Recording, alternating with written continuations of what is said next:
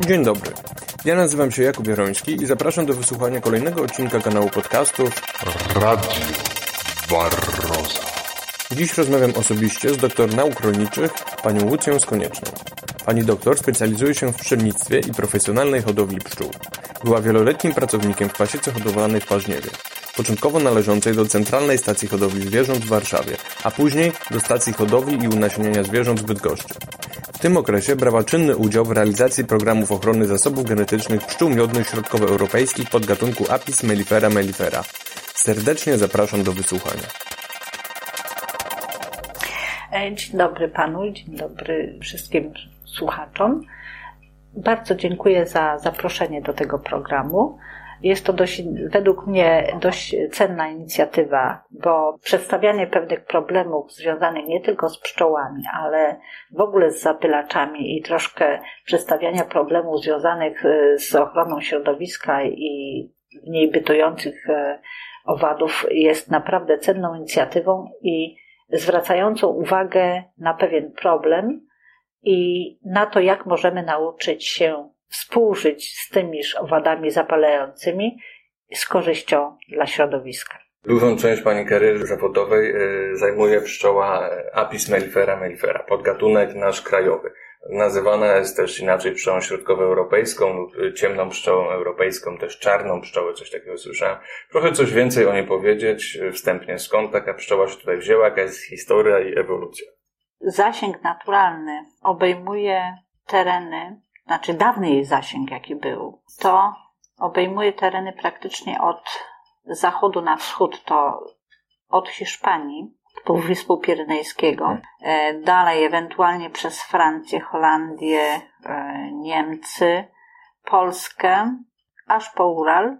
Natomiast z północy, z południa na północ, powiedzmy sobie to granicznymi takimi rzeczami to są Alpy, Karpaty i na północ tej, tej linii, aż praktycznie pod biegun.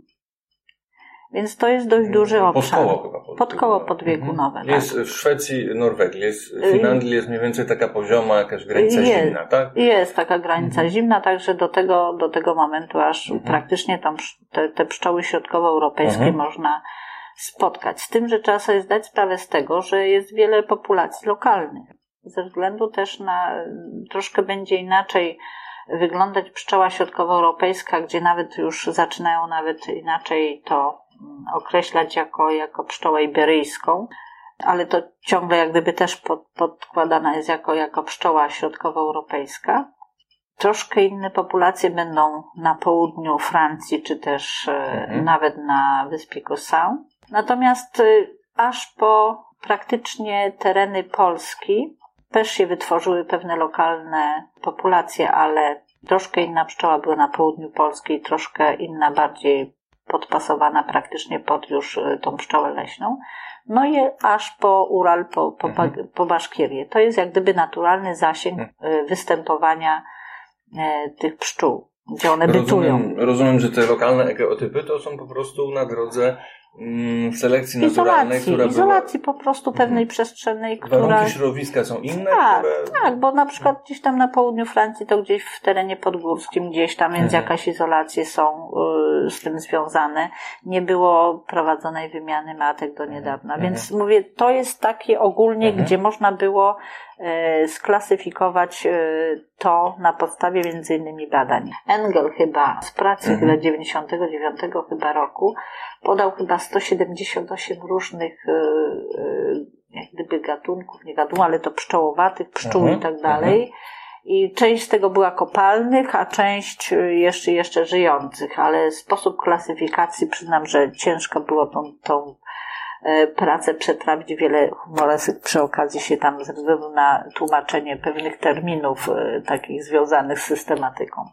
Natomiast e, tutaj tylko taka dygresja, że to, co my traktujemy jako rasy, systematycy się mogą, jeszcze do tej pory nie mogą dogadać, czy to traktować jako podgatunek, czy jako rasę.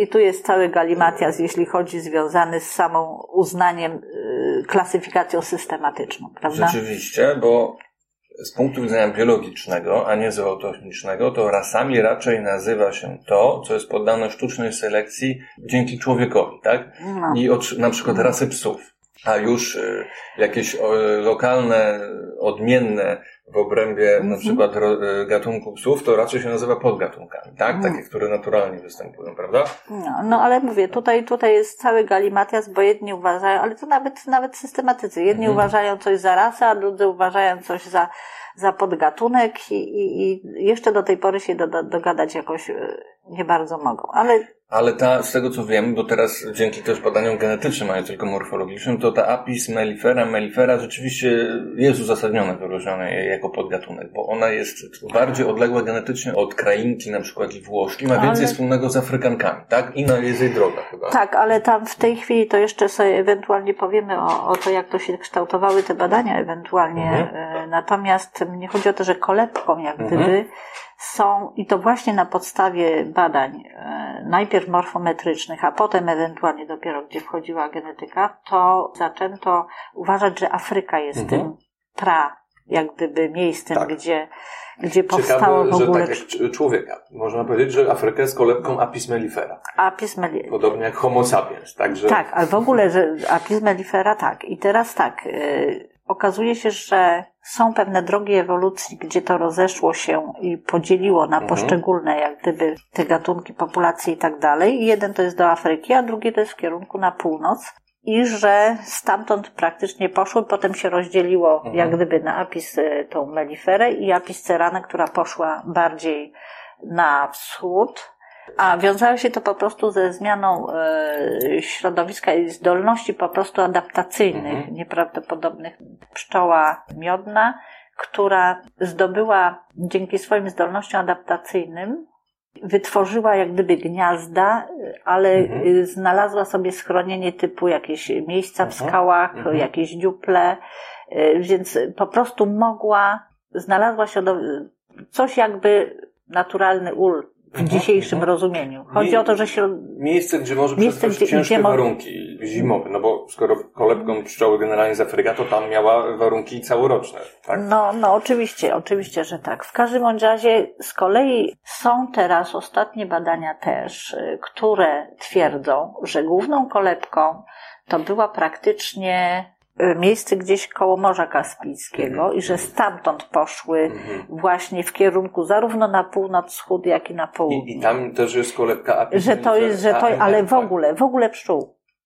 Także W tutaj ogóle pszczół. Mhm. w ogóle, w Czyli ogóle to są dwie, tak, słyszałem o tym, czyli to mamy dwie hipotezy. Chyba ta, e, chyba Ta wejś- ostatnia jest, jest mniej bardziej popularna. mniej popularna, bo dopiero Mhm. zaczyna gdzieś tam na podstawie właśnie, gdzie wchodzą te analizy związane z DNA. No na podstawie ciężko było w ogóle y, przeprowadzić jakąkolwiek klasyfikację tych pszczół, ponieważ mieliśmy do czynienia praktycznie z opisem czego?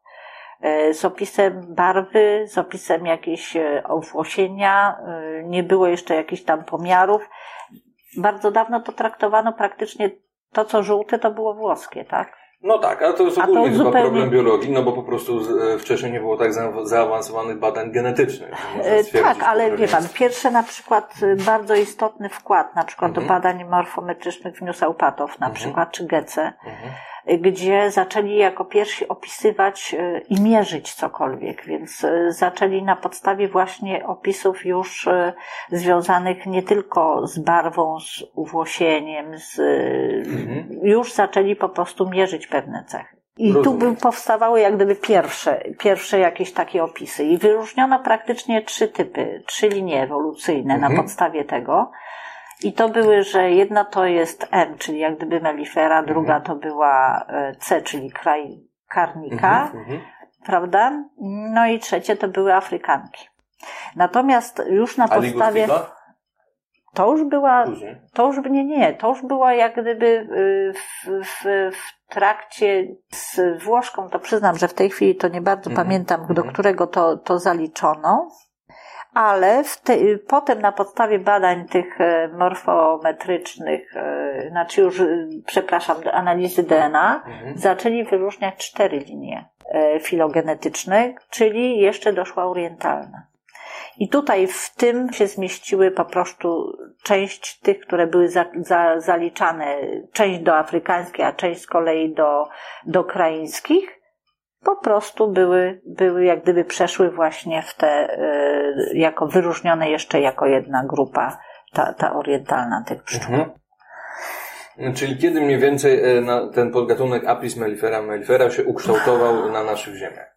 No, to już były, to już było praktycznie już po, po, po zlodowaceniach, Mhm. już tam gdzieś 80 tysięcy lat temu, gdzieś tam już można było twierdzić, że te, te tereny jak gdyby zostały opanowane. Około 10 czy 10 tysięcy lat temu. Tak, Tak, no po ostatnim zlodowaceniu, bo... No tak. No bo powstawały takie Mhm. refungia. y, Twierdzili, że gdzie te pszczoły mogły przetrwać jeszcze, gdzie ten lodowiec już nie, nie doszedł, potem jak on się cofał, to te pszczoły zaczęły coraz bardziej, coraz bardziej No się- tak, i Apis mellifera ma akurat swój jakiś taki ekotyp, gdzie występuje w warunkach Mhm. środowiska, a poza tym jest ta izolacja i Alp, i, i, Mhm. i, i tam właśnie mm, na Baszkilii. I... na północ zarówno, to, to jest jak gdyby naturalny, bo tutaj morze Mhm. z, otoczony praktycznie ten półwysep cały jest, jest morzem, prawda? Potem od strony południowej góry, a od północnej, no to już to, co się nie dało przeżyć, No bo, bo warunki są, nie pozwalają Czyli na to. mało mogła się krzyżować z innymi i następowała taka specjacja po prostu. No i można, można to tak ewentualnie y, nazwać, że, że coś takiego właśnie miało miejsce. Rozumiem. Czym się charakteryzuje ta pszczoła, tak ogólnie rzecz biorąc? Teoretycznie powinna być e, pszczołą ciemną o dość e, dużych e, rozmiarach, bo jest jedną z chyba z większych w Mhm. ogóle, w ogóle pszczół. Przynajmniej taka powinna być. Poza tym e, zdecydowanie pszczoła, która bardzo dobrze e, zimuje, Mhm. dostosowana do tych warunków naszych. Ja może powiem tak na temat e, bardziej tych pszczół, które bytują na naszym terenie, z tego względu, że to będzie bardziej przełożone na, na te cechy. No już nie, nie mówmy o skali baszkirskiej, e, dlatego że tam z kolei zimy są, trwają powiedzmy sobie z 9 miesięcy i, i tam jest troszkę inne przystosowanie. Natomiast ta nasza pszczoła krajowa jest przystosowana do tego, do tych naszych kapryśnych e, wiosen bo często jest tak, że owszem, pojawi się wiosna, potem się cofnie trochę, temperatura się obniży i wszystkie te inne rasy, na przykład krajeńskie, to one będą dalej czerwić, a tutaj y, dużo wcześniej zaczynają ten start wiosenny, natomiast te, nasze wolą jeszcze troszkę poczekać, one się później będą rozwijać, natomiast zdecydowanie bardziej gwałtownie. I na pewno często gęsto nie będą w stanie na przykład zdążyć na, z rozwojem na przykład na rzepak, Mhm. na te wczesne pożytki, bo to była pszczoła, która była przystosowana do pożytków powiedzmy sobie łąkowych, Mhm. leśnych, Lipowych. też. lipowych. Mhm. No, także, także to są e, rośliny, które są dla niej jak gdyby naturalne, tak? E, Tak samo akacja nie jest zbyt, e, ta robinia akacjowa Mhm. nie jest zbyt e, takim e, gatunkiem drzew, e, które są charakterystyczne dla tego rejonu, bo praktycznie to jest południe Polski, to jest północna granica jak gdyby teoretycznie e, występowania, gdyby w naturalnym Mhm. środowisku y, nie było przemieszczenia żadnych tam drzew czy siania, czy, czy nasadzeń, czy czegoś, Mhm. to praktycznie południe Polski jest północnym, y, północną granicą występowania robini, ja- jak, jako Mhm. takiej, tak? Mhm. Te pszczoły były przystosowane do troszkę innych, innych warunków i troszkę innego wykorzystania y, Mhm. tego, tych pożytków, zwłaszcza późniejszych. I one sobie z tym radzą. Barroso. Dobrze, następne cechy. Y, w- W internecie dużo osłabiono historii o ich niesamowitej agresywności. Proszę powiedzieć, ile w tym jest prawdy, a ile mitu. To znaczy tak, rzeczywiście, owszem, były, y, przynajmniej jak się z tymi pszczołami zetknęłam, to część z tego to są mity. Z tego względu, że owszem, trafiały się i takie pasieki, gdzie podczas ewentualnie pewnych lustracji na terenie nawet tego Kampinoskiego Parku Narodowego, czy no, głównie tam, to owszem, jeszcze nie wiadomo było, gdzie pasieka jest, a już ewentualnie można było dostać żądło, Mhm. ale po analizie przynajmniej e, tej morfometrycznej okazywało się, że no to są to w jakiś sposób mieszańce. To Mhm. nie były ewentualnie, nie wszystkie w każdym bądź razie były aż tak wściekłe.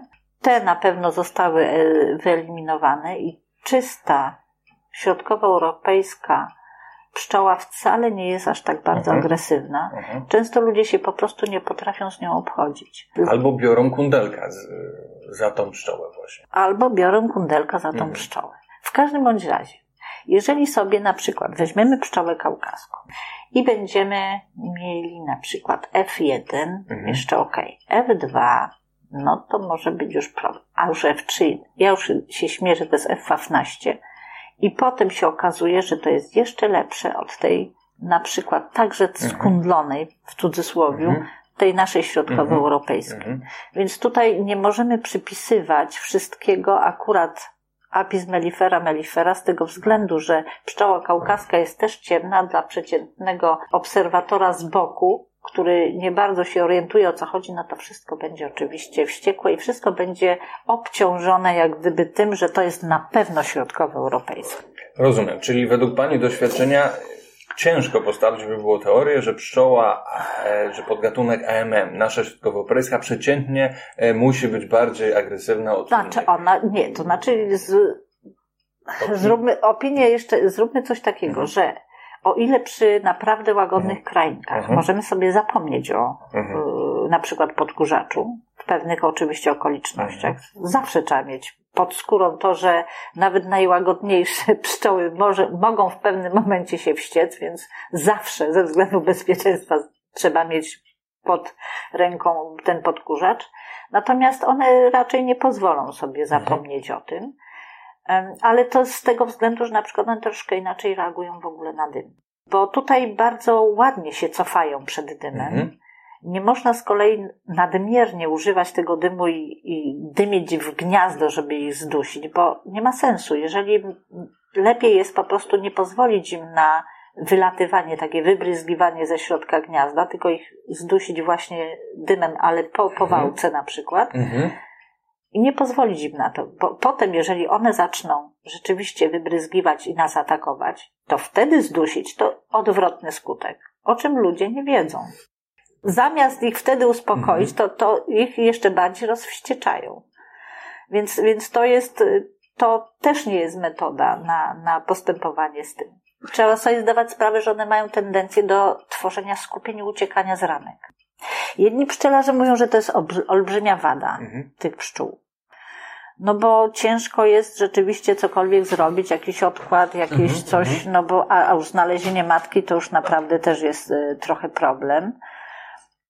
No dla ludzi niewprawnych rzeczywiście to może być problem, tym bardziej, że przy przeglądaniu trzeba zawsze mieć na uwadze to, że ta kubka pszczół uwiązana ewentualnie pod ramkami może nam za chwilę spaść na nogi i też możemy sobie Mhm, narobić mhm. bigosu. Więc tutaj, więc tutaj też trzeba być świadomym, z jakimi pszczołami mamy do czynienia. Natomiast one takie są. Ale spotkałam się z opiniami z kolei y, pszczelarzy, którzy traktują to jako cudowną cechę. Mianowicie, y, zwłaszcza przy prowadzeniu na przykład y, uli wielokorpusowych, no mówi, no, przecież ja za chwilę mam puste ule, miodobranie zrobić jest cudnie, Mhm. prawda? Mhm. Więc znowu są, coraz zaczyna być więcej takich opinii.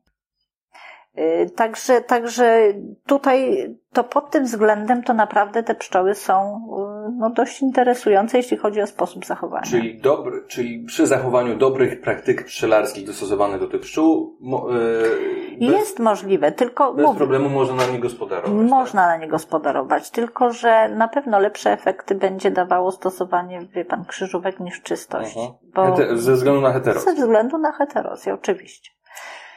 Moje, moje doświadczenie z ciemnymi pszczołami, aczkolwiek krótkie, yy, dużo oczywiście skromniejsze niż pani, pot, potwierdza, po- potwierdzają pani słowa. Nie lubią specjalnie za dużo dymu, ale ja robię tak.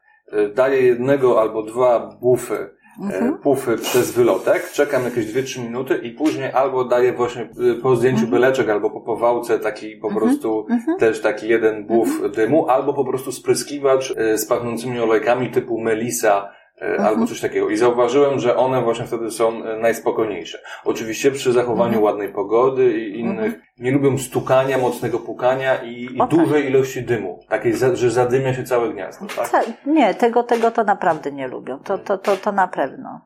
E, Poza tym stukania też nie lubią, a poza tym to już, ale to już chyba każda pszczoła, nie lubią ludzi wkurzonych, których są wo- wokół ula. Kiedyś mieli bardzo ciekawą sytuację, mianowicie taką, że akurat nie dotyczyło to e, może tych środkowoeuropejskich, ale dwie osoby, trzy osoby stały przy ulu, z tym, że no dwie były spokojne, normalnie, a jedna mało się nie udusiła z wściekłości. Niestety wszystkie żądła były skierowane właśnie na nią, więc podejrzewam, że bardzo skutecznie ewentualnie należałoby się rozluźnić. Mhm.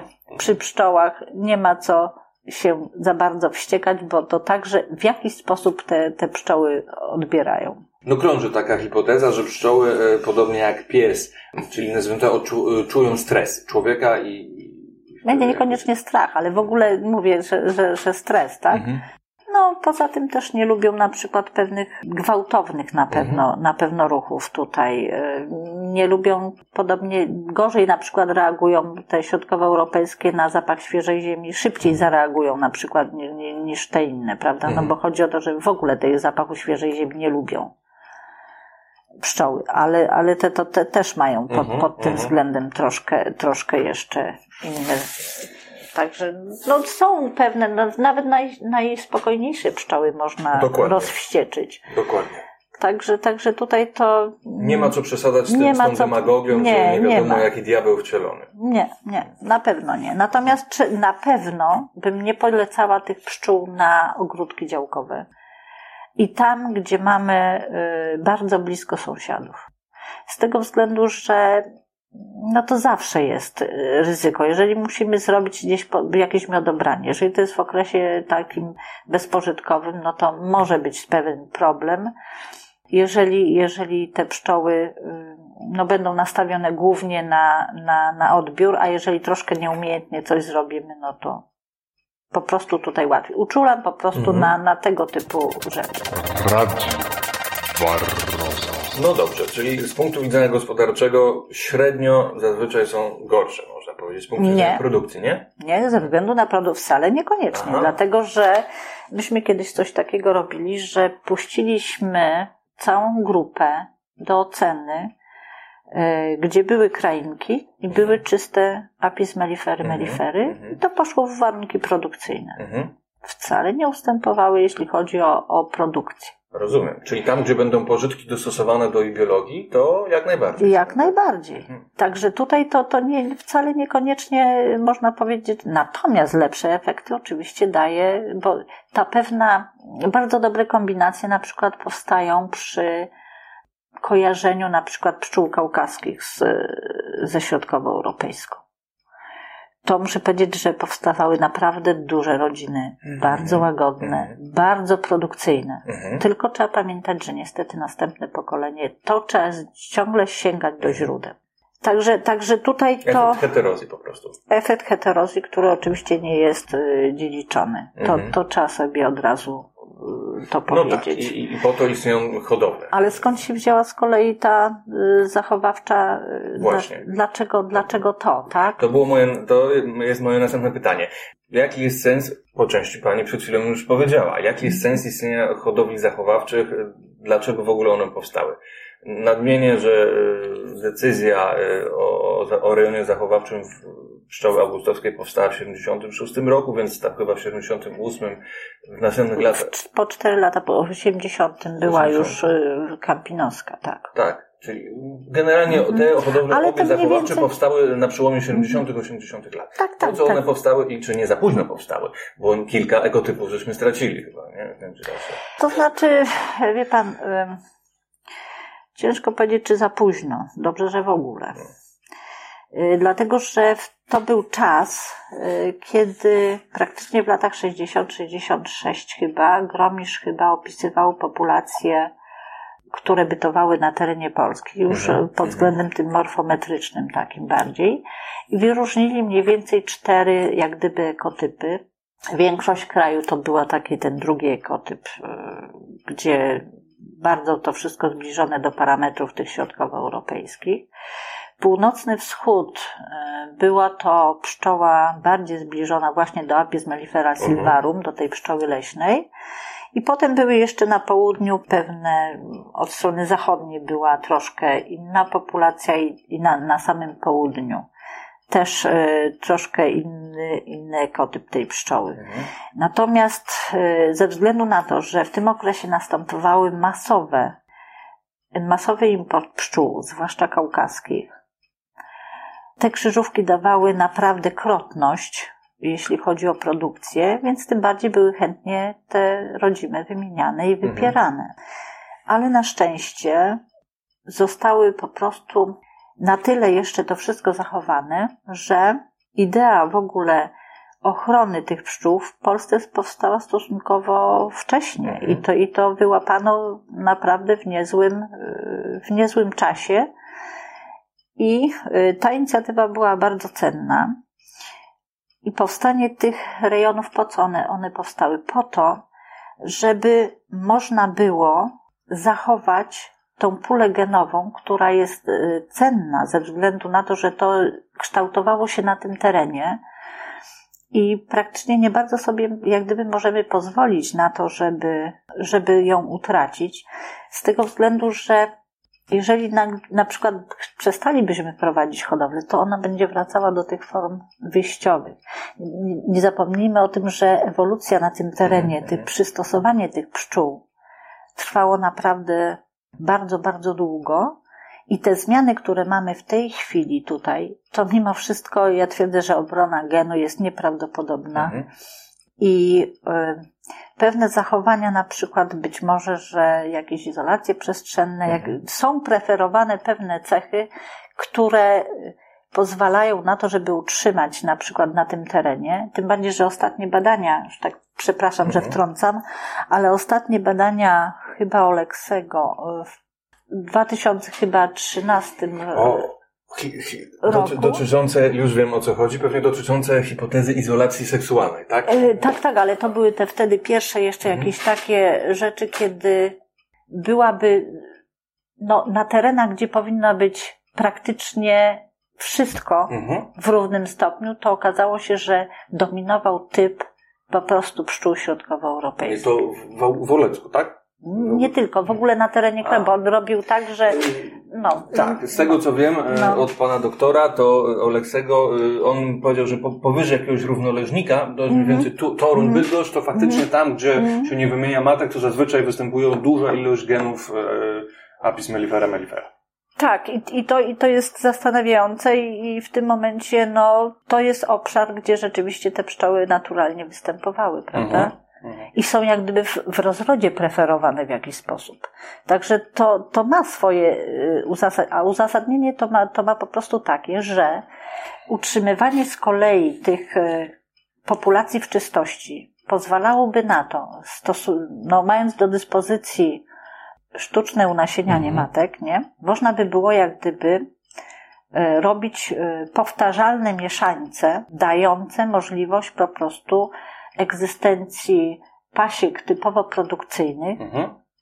Gdzie robi się poszczególne jak gdyby kombinacje pod dane potrzeby, pod, pod na przykład akurat pod posiekę jakąś stacjonarną mhm. z wykorzystaniem E, właśnie e, części tego genotypu, który pozwoliłby na, na zwiększenie produkcji, a z kolei na przykład w trochę innej formie, w innych kombinacjach pozwalałoby na prowadzenie cudnej pasieki wędrownej i też dającej pewne rzeczy. Z tym, że trzeba zwrócić uwagę na pewne przystosowanie. Ja trochę skaczę z tematu mhm. na temat, ale na przykład e, pszczoła kąpinowska jako jedna z niewielu ma bardzo ciekawą cechę E, świadczącą o tym, że ona jednak ewoluowała w lesie. Mhm. Mianowicie wszystkie inne pszczoły przy pojawieniu się zapory leśnej, prawda, jakiegoś zagajnika czy coś takiego, wszystkie pójdą w górę. Po to, żeby, żeby mogły y, jakiś tam zbiór zebrać. Te pójdą w, w runo.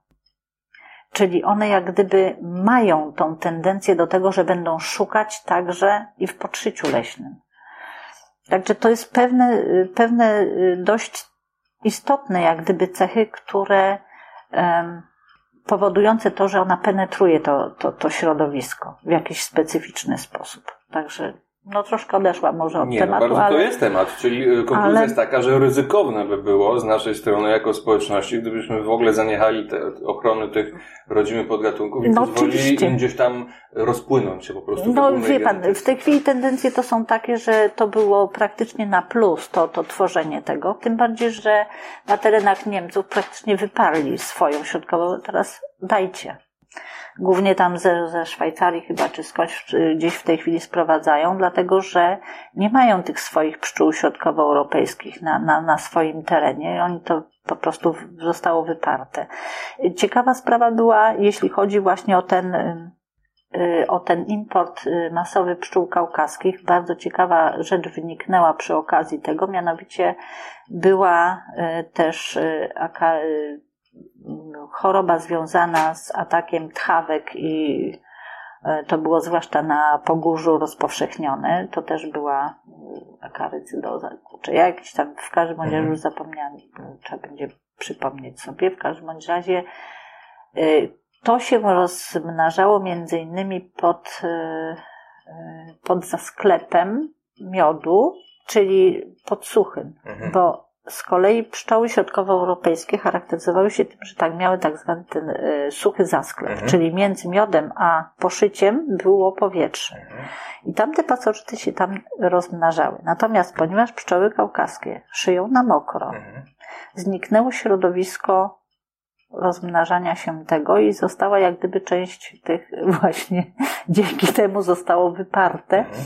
To jedno y, z tych chorób, tak zwana roztoczowa, to, to właśnie dzięki temu, że, że te pszczoły Aha, kaukaskie zostały... zostały. roztoczową, cho- to rozto- powoduje świdraczek pszczeli. Tak jest. O, Dobra. No bo mi się w tej To nie chwili po wiedziałem o prostu tym, zapomniało. ja gdzieś też czytałem, że on gdzieś tutaj wewnątrz pszczoły też, prawda, przebywa. Nie, no tak, ale w każdym razie, że, że dzięki temu to, że Mhm. się właśnie gdzieś tam to Gdzieś tam pomogło w walce. pomogło w walce, w walce z, z, akurat z tym. No ale ponieważ to było na tak szeroką skalę, więc to już było y, organizowanie tego typu tych y, środowisk, y, jakichś y, siedlisk, gdzie można by było utrzymywać tą pszczołę, miało dość duże znaczenie, żeby to było mniej więcej w jakichś warunkach e, naturalnych, tak? E, No i żeby ewentualnie była możliwość jakiejś granicy izolacyjnej, no bo e, praktycznie rzecz biorąc, e, jeśli chodzi o e, warunki Polski, nie mamy pasa izolacyjnego wystarczającego na to, żeby powiedzieć, że dane na przykład nawet trutowisko zorganizowane, żeby to było zapewniało 100% czystości. No nie mamy. Nie mamy. Musielibyśmy mieć borehole na przykład. Chociaż na Mierzei Wiślanej na 20 parę matek i tak parę się unasieniło. Więc, więc to jest 20 parę kilometrów. To nie jest takie znowu hop że, żeby tego. Natomiast, no wróćmy w takim razie do e, w ogóle e, tej izolacji przestrzeni, jaką Mhm. możemy znaleźć w Polsce. Zorganizowanie z kolei tego jednego z tych e, obszarów chronionych. No bo zacznijmy może od tego, że w Polsce są e, chronione cztery linie, z tym, że dwie z nich są... Może powiedzmy jakie, żeby słuchacze wiedzieli. No to jest tak, pszczoła augustowska, kampinoska, które są utrzymywane w oparciu o rejony zamknięte i dwie pozostałe, czyli północna i asta, są utrzymywane w troszkę innym systemie organizacyjnym, podobnym, ale bez tych rejonów. I teraz tak, po to, żeby y, uzmysłowić sobie, mm, jeśli chodzi o zorganizowanie takiego y, rejonu, to y, rejon pszczół augustowskich jest na terenie praktycznie Puszczy Augustowskiej, gdzie jego centrum to jest gmina Płaska. I teraz ten y, z kolei obszar jest jak gdyby okręgiem o szerokości około 30 kilometrów. Natomiast y, jest podzielony na dwie strefy. Bliżej tej, tego środka, tej miejscowości Płaska jest takie okrąg około 10 Mhm. kilometrów, który tworzy tak zwaną strefę centralną. Mhm. A na zewnątrz tego, do tych 30 kilometrów, jest strefa izolacyjna. Mhm. O co chodzi? Ponieważ tam jest las, jest puszcza, więc jest większe prawdopodobieństwo zachowania po prostu przestrzennej izolacji, pomimo wszystko, że to jest jakaś bariera przed jak gdyby nalatywaniem e, innych, rzecz, innych Mhm. obcych genów, innych, innych trudni. Nigdy nie wyeliminujemy oczywiście żadnych rójek, żadnego nalatywania, po prostu na pewno. Natomiast jest pewna, przy, przy tym schemacie organizacyjnym, jaki jest przyjęty, jest możliwość ograniczenia przynajmniej do minimum po prostu tych wpływów obcych. Ten teren jest powołany jak gdyby administracyjnie, na, której, na tym terenie nie wolno trzymać żadnych innych pszczół. Nie wolno wwozić innych pszczół na ten teren. Co prawda nie zawsze się to zdarza, natomiast bardziej pilnowane to jest nawet jeśli chodzi o, o teren Puszczy Augustowskiej, czyli ten rejon zachowawczy Augustowskiej niż, niż z kolei Campinosu, ale to jest jeszcze inny problem. W każdym bądź razie ten rejon z punktu widzenia materiału hodowlanego to w samym centrum tego jest dopuszczone naturalne unasienianie pszczół. Poza tym na izolacyjną strefę są dostarczane główne matki. Mogą być z naturalnego lotu, ale właśnie pochodzące tylko i wyłącznie z tego materiału pochodzące po, pod kontrolą. Ma to bardzo istotne znaczenie, żeby zwłaszcza w strefie izolacyjnej, na obrzeżach tego obszaru chronionego, było jak najwięcej matek o pożądanych mhm. cechach i żeby naprodukować tam jak najwięcej trutni, które by stanowiły jak gdyby barierę mhm. naturalną i zmniejszały prawdopodobieństwo parowania matek z innymi trudniami. Mhm. Jeżeli tam, na tym obszarze, jest regularnie wymieniane są matki, prawda? Mhm. Nawet jeżeli ona coś tam złapie mhm. i wiadomo, że po jakiejś ocenie, że ona jest coś nie taka, to w tym momencie znowu jest zabierana i, i wymiana, i wymiana, i ciągła wymiana, i wysycenie tej przestrzeni, jak gdyby ale to głównie w strefie izolacyjnej ma aż takie znaczenie, mhm. prawda? No bo do środka nie będziemy dopuszczać żadnego obcego materiału, ale tutaj chodzi właśnie o to zabezpieczenie. Podobna idea jest, jeśli chodzi o Kampinoski Park Narodowy, gdzie jest druga, drugi rejon, ale tam jest jeszcze inny kłopot, mianowicie tam jest z kolei nie da się zrobić ze względu na kształt tegoż parku, nie da się wyodrębnić strefy centralnej i izolacyjnej, tylko praktycznie to jest strefa ze statusem strefy izolacyjnej. Bo to jest 40 km na 20. Mhm. Więc tutaj w ogóle nie ma takiej mowy, żeby to coś takiego mogło funkcjonować. W związku z tym tutaj praktycznie wszelki, cały materiał hodowlany e, podlega sztucznej inseminacji. Dlatego że tu nie można sobie pozwolić na nic innego. Co prawda, można za każdym razem jeszcze mimo wszystko e, były szukane e, jakieś, szukaliśmy po prostu pewnych e, matek, chodziliśmy do mhm. pszczelarzy, wyszukiwaliśmy, mhm. badaliśmy to, czy to morfologicznie, czy to w ogóle jest o czym mówić, bo zawsze jest problem z wielkością puli genowej i z wielkością po prostu pasieki, bo co z tego, że ja będę miała 200 rodzin, jak to będzie ewentualnie spokrewnione? I mm. teraz dochodzimy do tego, jaka jest różnica między programem doskonalącym, czyli y, takim, że pszczelarz jest nastawiony na produkcję miodu, a tu jest program także mhm. hodowlany, tylko zachowawczy. Mhm.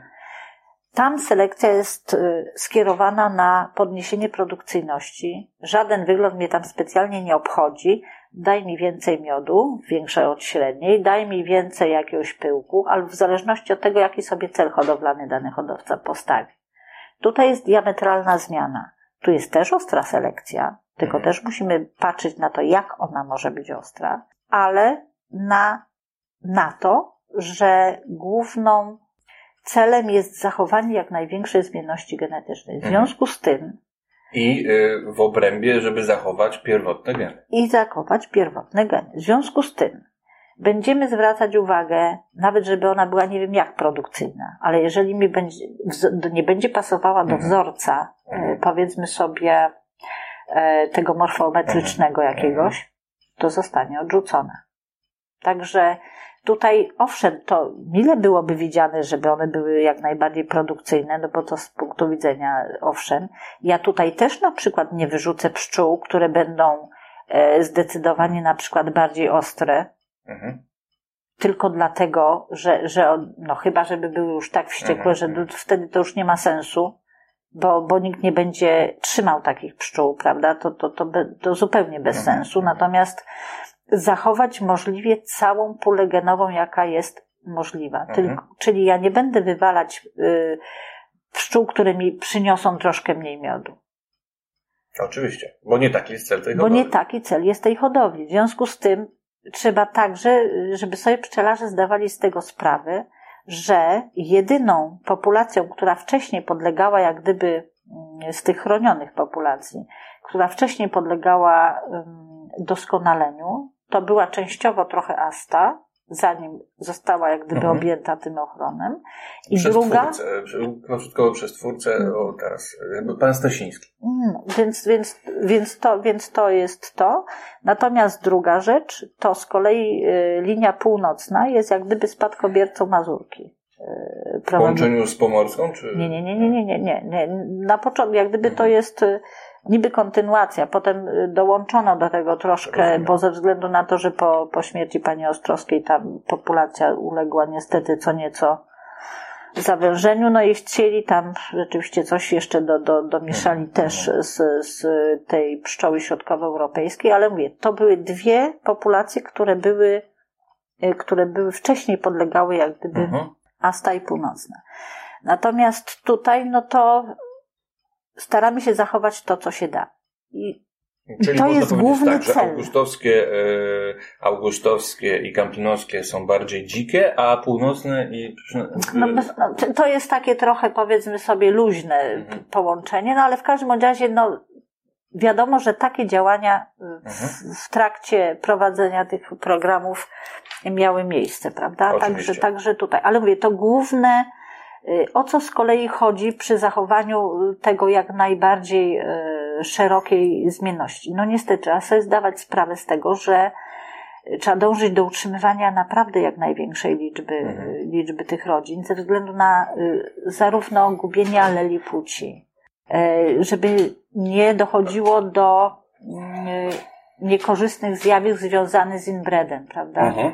Y, Tu trzeba Dryfem mieć całe chyba też, tak? A dryf genetyczny to jest osobna, osobna historia z tego względu, że my możemy sobie prowadzić jakąś tam selekcję na coś, a środowisko i w ogóle cały ten mechanizm związany z genetyką powie nam stop, ale to tylko do tego momentu i na to to już wpływu nie mamy. Także, także zarówno z tym, jak i z tym będziemy mieć do czynienia. Oczywiście. No, dlatego trzeba być wykształconym zootechnikiem, selekcjonerem, żeby mieć e, nad tym wszystkim panowanie, tak? Co prawda, wie pan, co, czasami, czasami wie pan co? Mam wrażenie, że niektórzy w końcu też nie mieli żadnych metod hodowlanych, jeśli chodzi o twórców y, tych ras arabskich, nie? Mhm. Tych koni arabskich. A jednak czasami, czasami oko i wyczucie potrafi dać naprawdę dużo. Ale już oczywiście to mile widziane, jeśli jedno, drugie i trzecie się złoży do kupy, to wtedy naprawdę jest szansa na to, że, że jakiś tam sukces będzie. Mhm.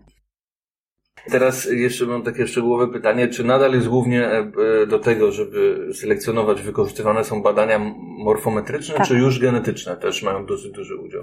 To znaczy tak, w tej chwili jesteśmy na etapie jakim? E, To, co ja miałam do czynienia, to były głównie pomiary, powiedzmy sobie, związane z typowymi pomiarami morfometrycznymi, czyli tam by w grę wchodziła, y, tam długość, szerokość skrzydła, Mhm. to może coś tam, ale w każdym indeks kubitalny to była jedna z wyróżniających cech.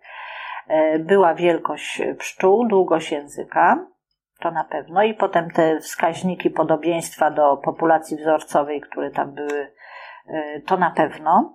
Potem z kolei chyba od 2005 bodajże roku weszła jak gdyby już ta, geome- ta morfologia geometryczna, y, gdzie pomiary są na podstawie tych 19 punktów na, na skrzydle, Mhm. I oczywiście cały czas jest e, selekcja związana z, z e, eksterierem, czyli z, z wyglądem zewnętrznym pszczół, Mhm. czyli te barwy wszystkie Mhm, i tak dalej, i mhm. tak dalej. Zasklep, e, zachowanie ewentualnie tych pszczół. To wszystko cały czas ma istotną e, rolę gra. Natomiast to, czego mnie osobiście brakuje, to to, że nie ma ewentualnie zarówno brakuje mi pomiarów języka, jak i wielkości pszczoły, żeby zobaczyć, czy to się w jakiś sposób Mhm. nie waha, bo długość języka też była w pewnym sensie wy- wyróżnikiem, nie? E, No może przy tych dyskryminacjach i tym wzorcowym skrzydle, do którego się w tej chwili porównuje, to y, jest rzeczywiście też e, jeśli chodzi o taksonomię samą i, i samą przynależność y, do, do danej y, rasy, to, czy podgatunku, powiedzmy, tak, to, to jest istotne rzeczywiście, bo to być może, że lepiej nawet dyskryminuje. Natomiast musimy zwrócić uwagę na to, że no, pewne rzeczy związane ze zmiennością takiego eksterieru też bym jednak mile widziała jako, jako kontynuację, może nie w każdym pokoleniu, czy, czy nie w każdym roku ewentualnie, ale, ale w każdym razie, żeby to w jakiś sposób można było e, zachować, to na pewno. No i te genetyczne właśnie. No i te Czy genetyczne, te genetyczne już powoli też wchodzą. I to nie, nie, ma, nie ma dwóch zdań, bo to, bo to jest y, tak, tylko Bo też tanieją, prawda? Bo kiedyś były pewnie droższe, teraz są. e, no tak, kiedyś to było, e, to było dużo, dużo e, droższe, natomiast w tej chwili już coraz częściej po to sięgamy. Już w pewnym stopniu została troszkę oceniona jakość, w cudzysłowiu, czyli czystość y, tych pszczół środkowoeuropejskich, zwłaszcza y, jeśli chodzi o populacje y, północne. I stwierdzono tam introdukcję jakąś obcych genów i to tam gdzieś od 3% prawie do 14%, a czasami więcej. Tylko, że teraz będzie e, e, z kolei też dylemat, bo e, bo to mitochondrialne DNA jest z kolei dziedziczone tylko po Mhm. matce, prawda? I wszystko jest ok, tylko teraz pytanie, czy to ewentualnie z, z jakieś e, te e, obce geny, czy one się znalazły teraz, czy one się znalazły 50 lat temu? Czy e, w takim razie, jeżeli byśmy nie mieli na przykład czystych, wystarczającej ilości zapewniającej ewentualnie zapewnienia gdyby zmienności, Mhm. tak? To do jakiego momentu możemy powiedzieć, że to jest materiał czysty, a do jakiego momentu nie? Mhm. Czy na przykład granicę można postawić przy 10% jakiejś obcych genów, czy też nie? Y, Także ten dylemat jeszcze jest przed nami Mhm. najprawdopodobniej jeśli chodzi o określenie rzeczywiście czystości tego materiału i to zarówno popartego eksterierem, jak i rzeczywiście badaniami e, tymi morfometrycznymi. Ciekawym stwierdzeniem z kolei na pewno e, można wysnuć z badań między innymi Oleksego, który e, w ogóle stwierdził, że selekcja oparta ewentualnie tylko na markerach e, może skutkować, gdybyśmy się tylko na tym oparli, że może skutkować utratą e, ważnych genów kształtujących fenotyp, jeżeli te Mhm, mhm. nie są połączone jak gdyby w, w pewnych blokach. Jeżeli my testujemy kawałek DNA, nie?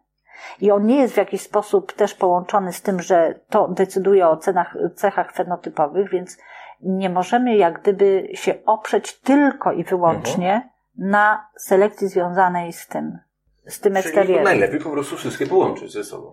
Najlepiej by było wszystko po prostu połączyć. Także, także tutaj y, no na pewno decydujące znaczenie powinno mieć jak gdyby DNA i stanowić, y, mi się wydaje, że takim w zasadzie działaniem, nad którym powinniśmy się skupić w tej chwili, to zrobić porządną ewidencję tego materiału, który mamy. Zobaczyć, ile jest materiału czystego, ile ewentualnie w jakiś sposób zmieszańcowanego i określić, od czego startujemy, żeby z kolei nie, nie powstało takie, e, że wszyscy, żebyśmy nie wyrzucili dziecka z kąpielą. Mhm. Bo jeżeli na przykład się okaże, że mamy stosunkowo małą liczbę tych bardzo, bardzo, bardzo czystych, Mhm. prawda? To czy lepszym rozwiązaniem jest utrzymywanie tylko tego, ale to nam grozi z kolei Zbyt małą populacją. Tak? Zbyt małą, a, albo taką, która będzie nam coraz bardziej wrażliwa na pewne rzeczy, Mhm, prawda? mhm. A tutaj chodzi o to, żeby, żeby to zapewnić i do jakiego stopnia możemy, ale mówię, to są, to są dopiero wyzwania, przed którym podejrzewam realizacja programów stoi. Ochrona tych pszczół się zrobiła też sprawą europejską, bo powstało takie stowarzyszenie jak SICAM, którego jest pani członkiem.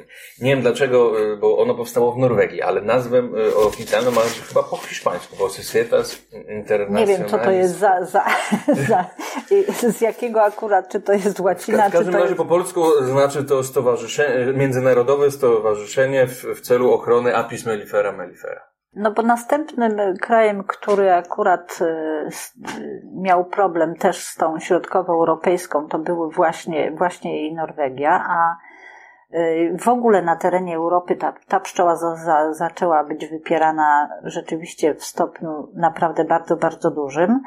No i niektórzy z, z naukowców czy pszczelarzy i, i w ogóle, bo CICAM skupia od, praktycznie od jakiegoś szeregowego, szereg- szeregowego pszczelarza Mhm. po naukowców różnych, y, Czyli różnego typu. też może być członkiem.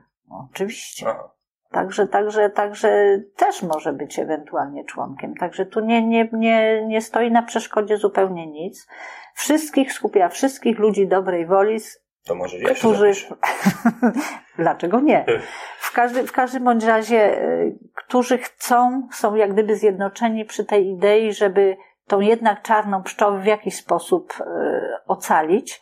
I muszę powiedzieć, że Polska ma dość duży wkład w tym, Mhm. bo była jednym z założycieli tego, y, tego, Tego stowarzyszenia tego stowarzyszenia Mhm. SICAM. Tak. I chyba te hodowle zachowawcze są jednym, też, jednymi z pierwszych w Europie. Tak, jedne z jednymi z pierwszych. No, w, w Norwe- z tym, że realizacja tych programów jest oparta z kolei o bardzo różne mm, e, schematy organizacyjne. To prawda, bo na przykład brytyjski jest troszeczkę inny. E, Brytyjski jest troszeczkę inny, z kolei e, wydzielone z kolei są na przykład tak jak na wyspie e, ale tam mieli też problem z jakimiś tam chorobami. E, W każdym bądź razie e, jedni preferują po prostu takie rzeczy, że mają rzeczywiście w oparciu tak jak o, o rejon, a niektórzy po prostu preferują też, że, że prowadzą normalnie prawie że hodowlę Mhm. i, i, y, i utrzymują po prostu w ten sposób, żeby jednak rozprzestrzeniać to i starać się pozyskiwać jak gdyby środki y, na pewne projekty związane na przykład z reintrodukcją albo na dalsze projekty. I tu na przykład bardzo dużą rolę z kolei dla ochrony mieli Szwajcarzy, dlatego że udało im się stworzyć po prostu program, który działał chyba no, parę ładnych lat, e, z tym, że e, ocenę jak gdyby pod względem genetycznym e, to robił chyba, nie wiem, najprawdopodobniej Bienenfeld. Natomiast pani Solange chyba oceniali materiał pod względem genetycznym, mieli u siebie możliwości po prostu takie, że oceniali czystość po prostu tego materiału i brali do Mhm, dalszego, do tej reprodukcji czy tak dalej, to swojej tej, tej pszczół, e, już właśnie w Mhm, ten mhm. sposób wstępnie oceniony ten materiał i rzeczywiście to izolacyjne, no wszystko musiało u nich działać jak w tak zwanym szwajcarskim zegarku. Mhm. Z tym, że tam były jakieś tarcia między pszczelarzami, między związkami, między coś tam, to też nie było tak prosto do realizacji, ale wydębili na tyle jak gdyby pieniędzy, które pozwalało im na realizację właśnie tych Mhm. programów. Na ile to będzie dalej działało, to nie wiem, bo pewnie te projekty się powoli kończą. I teraz też będą szukać pewnych y, dalszych możliwości utrzymania tego wszystkiego. Także też y, za każdym razem jest coś nowego. Natomiast y, ostatnio z kolei bardzo ładnie weszli z kolei Rosjanie z badaniem tych swoich baszkierskich, bo u nich jest wszystkiego mnogo, prawda? Jak zwykle. Ale u nich na przykład na jakichś tam dwóch tysiącach e, e, rodzin Mhm. gdzieś tam, rzeczywiście w, w Baszkirii. No oni mają tą wyjątkową sytuację, że mają kontynuację bez przerwy systemu barwniczego, tak? No tak, ale nie tylko, Mhm. tak, ale, ale w każdym razie oni mają, y, tam jeszcze nie, nie dotarły żadne inne genialne pomysły. Zresztą w tamtych warunkach to podejrzewam, że nie ma szans na to, żeby jakakolwiek krainka na przykład przeżyła, prawda, albo coś tak, bo coś w tym, w tym stylu. Mhm.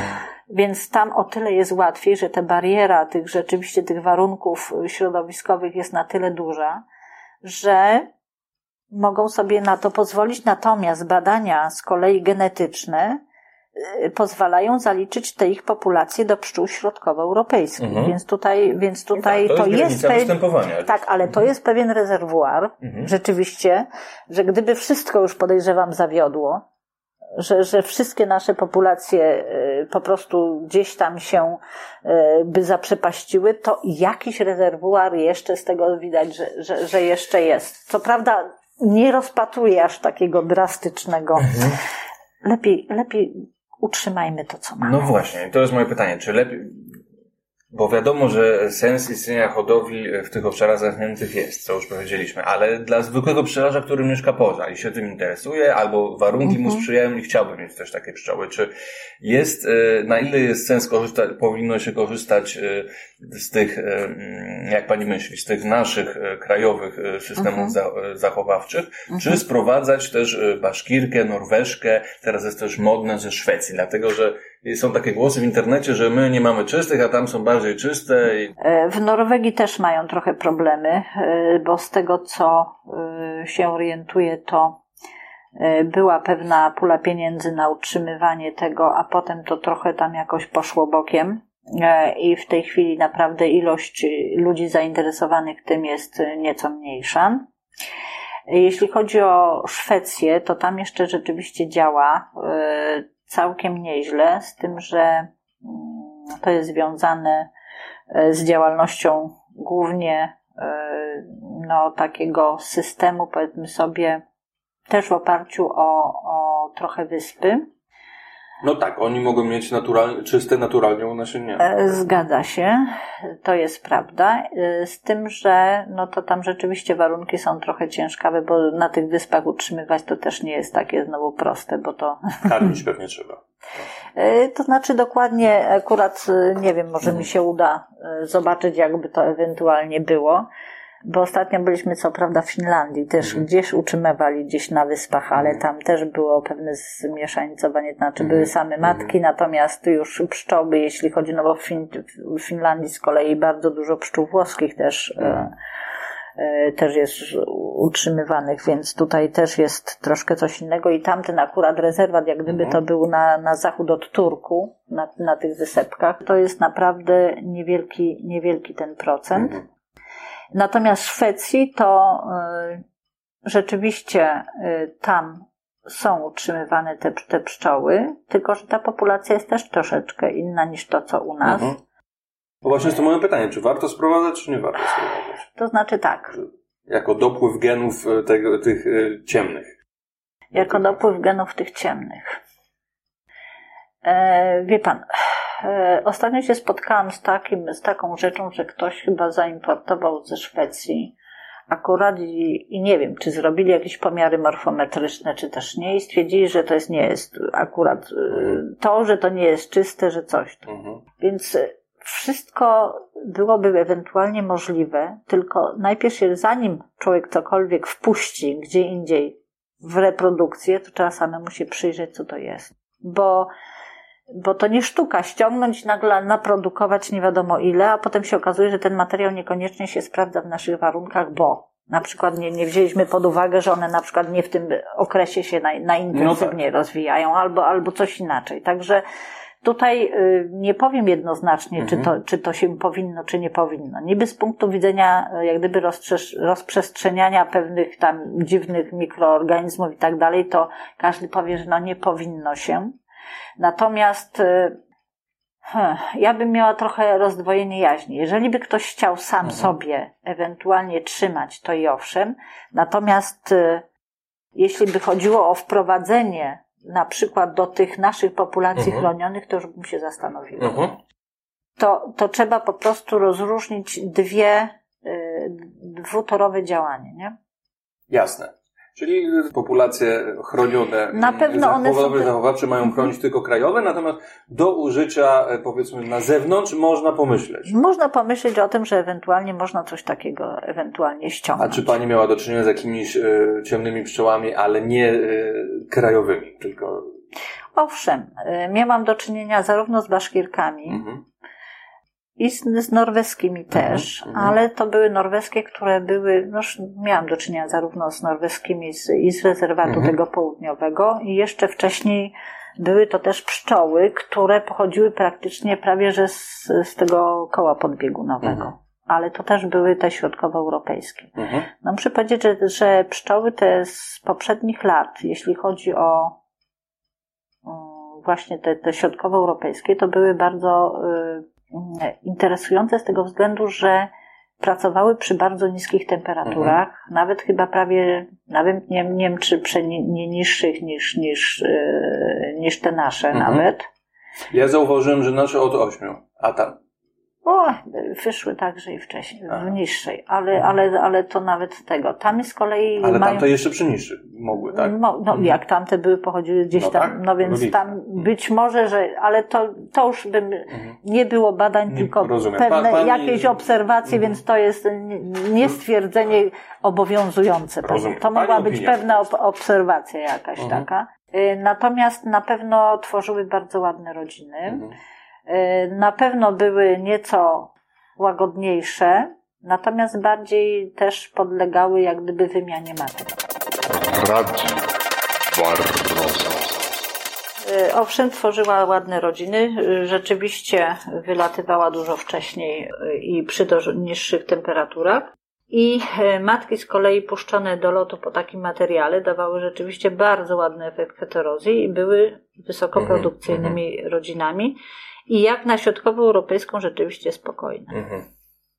Czyli do produkcji na zewnątrz byłby jakiś sens się tym interesować. No, no ewentualnie, ewentualnie tak, z tym, że te, które pochodziły już powiedzmy sobie e, z e, tego rejonu zamkniętego z południa, to te z kolei były bardziej, e, chyba bardziej łagodne nawet jeszcze, natomiast, natomiast nie były, mm, nie wiadomo, miały tendencję po prostu naprawdę do takiego, do, do, do cichej wymiany matki, nie wiadomo z jakiego powodu.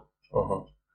Ale poza tym to, to całkiem nieźle, nieźle się zachowywały w pasiece i y, pszczelarze, którzy otrzymywali ten materiał, byli raczej zadowoleni z tego, z tego, z tego materiału.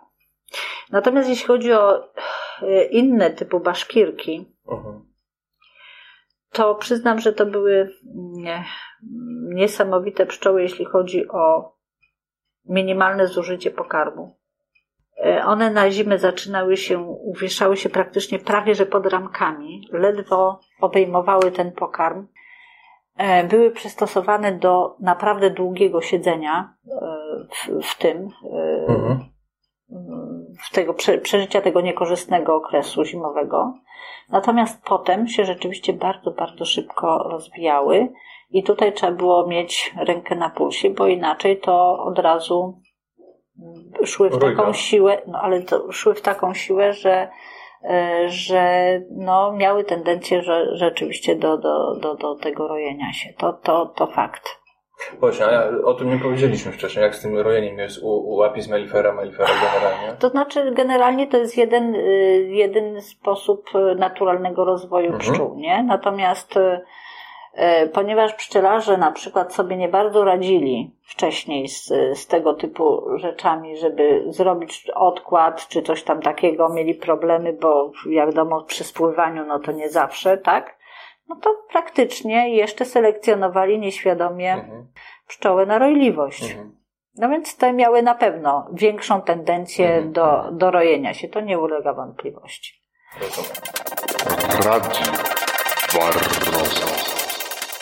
No, jeśli chodzi o jeszcze, wróćmy na chwilę do tego, do baszkirki, Mhm. to pary matek, które miałam, Mhm. to zwłaszcza na dwóch rodzinach, no nie dysponowałam zbyt dużą Mhm. liczbą ty, tych matek, ale akurat y, w takich dwóch rodzinach to było tak, że pozwalały matce córce zaczerwić, następowała zmiana. Na tym czerwiu, gdzie matka niedużo zaczerwiła, ze dwie, trzy ramki, pozwalały matce zaczerwić, była zmiana. Także muszę powiedzieć, że uspokoiły się dopiero chyba przy czwartym bądź piątym pokoleniu. Mhm.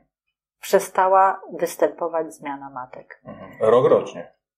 W ciągu tego samego roku, Aha. żebyśmy się Aha. nawet, znaczy rok rocznie, rok rocznie. W ciągu jednego sezonu powiedzmy sobie dwie zmiany były, Aha, tak? czyli y, rzadko było tak, że jakaś matka przeżywała dłużej niż pół roku. I to jest ich naturalna cecha? Y, Właśnie nie wiem, czy to jest dlatego, że najprawdopodobniej w tych warunkach być może. Mhm. Ja mówię, że tylko przeniesione jak gdyby te, Rozumiem. te No, pszczoły w inne warunki, to ich akurat zaobserwowałam, być może że to jest tylko wycinek, Mhm. ale zaobserwowałam coś takiego. No ciekawe. Być może, że teraz jak już są te pszczoły sprowadzane Bóg wie skąd i tak dalej, być może, że to już jest co nieco przystosowane, ale mówię, to było naprawdę parę ładnych lat temu, Mhm. więc, więc mówię, te pierwsze jak gdyby wrażenia to było, to było tak. Dziękuję Ci za wysłuchanie drugiego odcinka podcastu Radio Waroza. Jak widzisz, minęło trochę czasu, niemalże rok. Mam nadzieję, że teraz będą częściej. Chciałbym docelowo, żeby przynajmniej był raz na miesiąc. E, Moje podcasty znajdziesz na serwisach podcastowych typu Spotify, iTunes, e, Google Podcast. E, Ciężko mi wymienić wszystkie. Gdybyś uważał, że powinno być na jakimś, na którym nie ma, to proszę Cię o maila pasieka waroza małpa e, gmail.com. W podpisie znajdziesz też kanał e, RSS, e, którym możesz to subskrybować. Publikuję też podcast na YouTubie. W następnym odcinku kontynuacja rozmowy z panią Łucją z Konieczną, tym razem o profesjonalnej hodowli pszczół. Dziękuję, do następnego razu. Pozdrawiam. Radio Barroza.